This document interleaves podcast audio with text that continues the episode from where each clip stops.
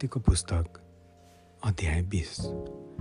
त्यहाँबाट अब्राम नेगेबतिर गए र कादेश र सुरको बिचमा बस्न लागे। तिनी गरा देशमा बसोबास गरे। त्यहाँ अब्रामले आफ्नी पत्नी साराको बारेमा भने तिनी त मेरी बहिनी हुन्। तब गरारका राजा अभिमेलेकले सारालाई झिकाएर लगे।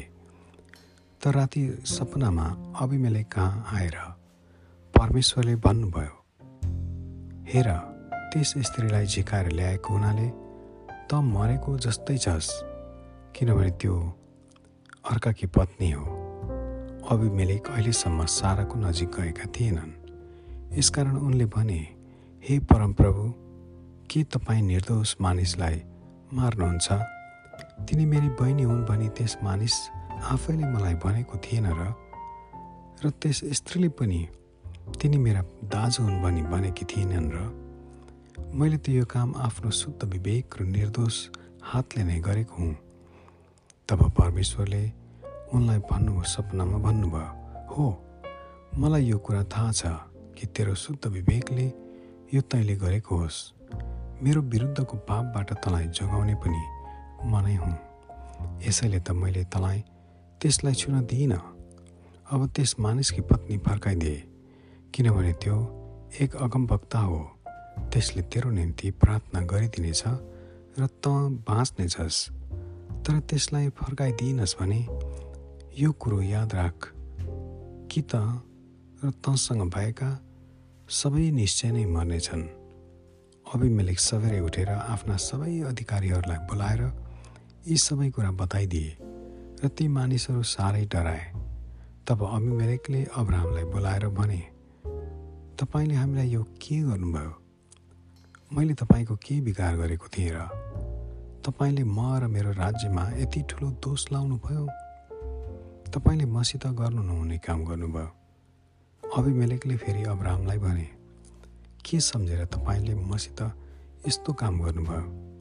अब्राहमले भने किनभने मैले त सोचेको थिएँ यस ठाउँमा परमेश्वरको डर कसैलाई छैन। र मानिसहरूले मलाई मेरी पत्नीको कारण मार्नेछन्। यो कुरा सत्य पनि हो कि तिनी मेरी बहिनी हुन्। तिनी मेरा पिताकी छोरी हुन् तर मेरी आमाकी होइनन् र तिनी मेरी पत्नी भइन्। अनि जब परमेश्वरले मलाई आफ्ना पिताको घर छोडेर परदेशी भएर यताउति घुमिहिँड्ने ल्याउनु भयो तब मैले सारालाई भनेको थिएँ दया गरेर तिमीले मेरो विषयमा यिनी मेरा दाजु हुन् भन्नु है।